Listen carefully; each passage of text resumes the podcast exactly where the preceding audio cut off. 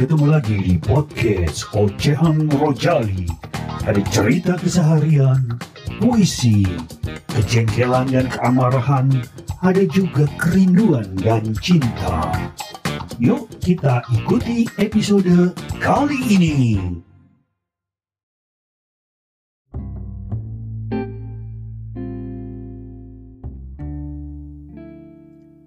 Akhirnya malam minggu juga. Apa kabar? Semoga malam minggu ini menjadi satu hari yang menyenangkan. Karena minggu lalu banyak hal yang menyenangkan. Atau mungkin sambil kemarin nginget-nginget kalau dari kemarin gue ngomong bahwa bagaimana kita mengintrospeksi minggu kita yang berjalan.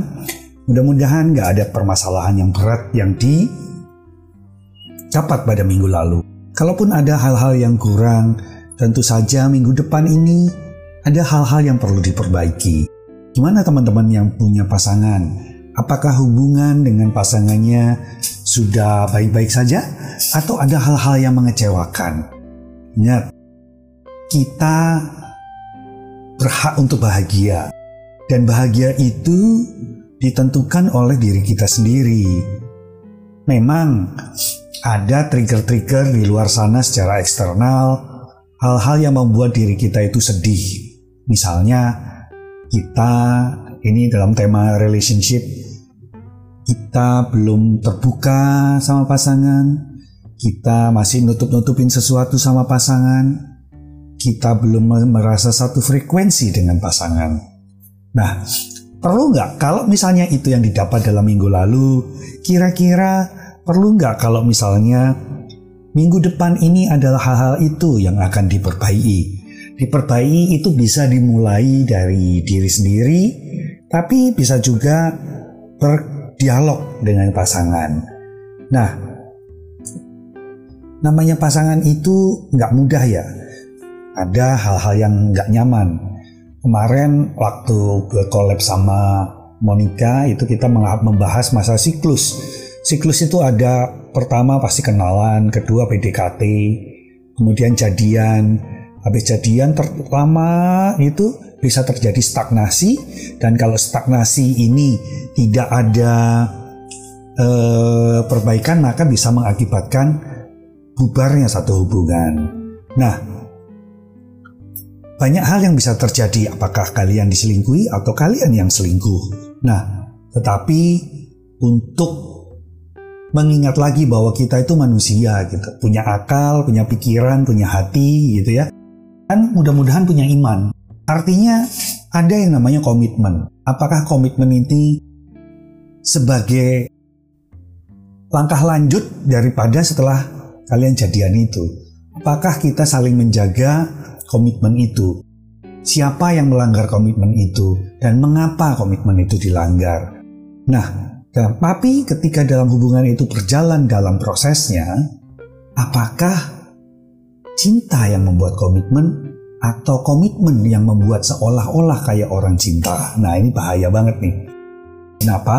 Karena kalau komitmen aja berarti hanya merupakan satu beban, bukan dari kesadaran dari hati nurani yang terdalam.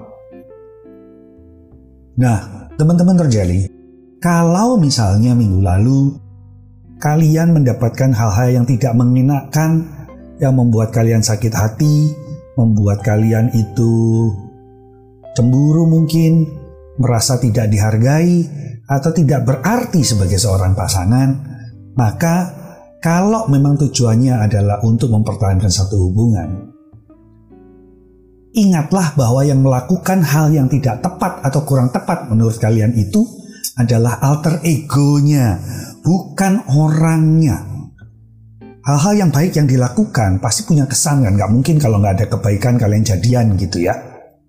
Itu yang adalah senyata-nyata orangnya.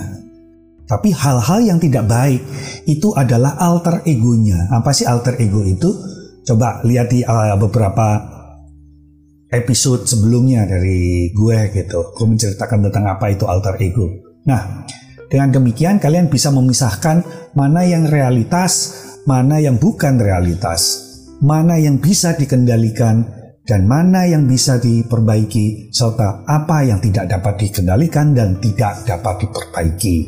Sekali lagi, kalau pada level di mana kalian menyadari atau menerima bahwa yang melakukan hal-hal yang menyebabkan pergesekan-pergesekan dan friksi pada hubungan kalian itu adalah super egonya, maka kalian juga bisa menganggap bahwa yang mencintai pasangan kalian adalah super ego elu, bukan senyata-nyatanya elu.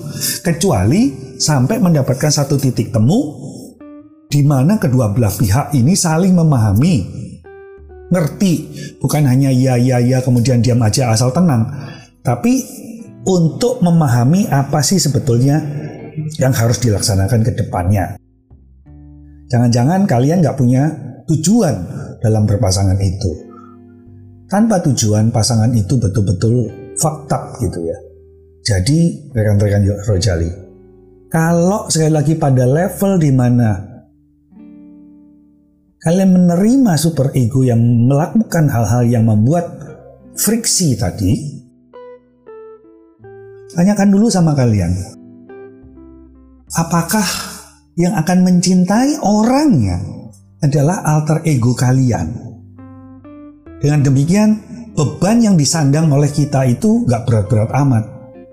Sebab kalau diambil semua, di take in gitu, wah rasanya bisa stres itu. Kalau udah stres, maka nggak akan produktif. Maka pinter-pinterlah untuk mengelola cara kalian untuk berpasangan itu, baik itu melewati tantangan maupun rintangan dan yang berat sekalipun, tapi sadari mana yang alter ego, mana yang orangnya. Kalau kalian sudah menemukan ini, kalian bisa melakukan self-care atau peduli sama diri sendiri, dan akhirnya bagaimana-bagaimanapun juga bahwa kebahagiaan ada di tangan kita sendiri.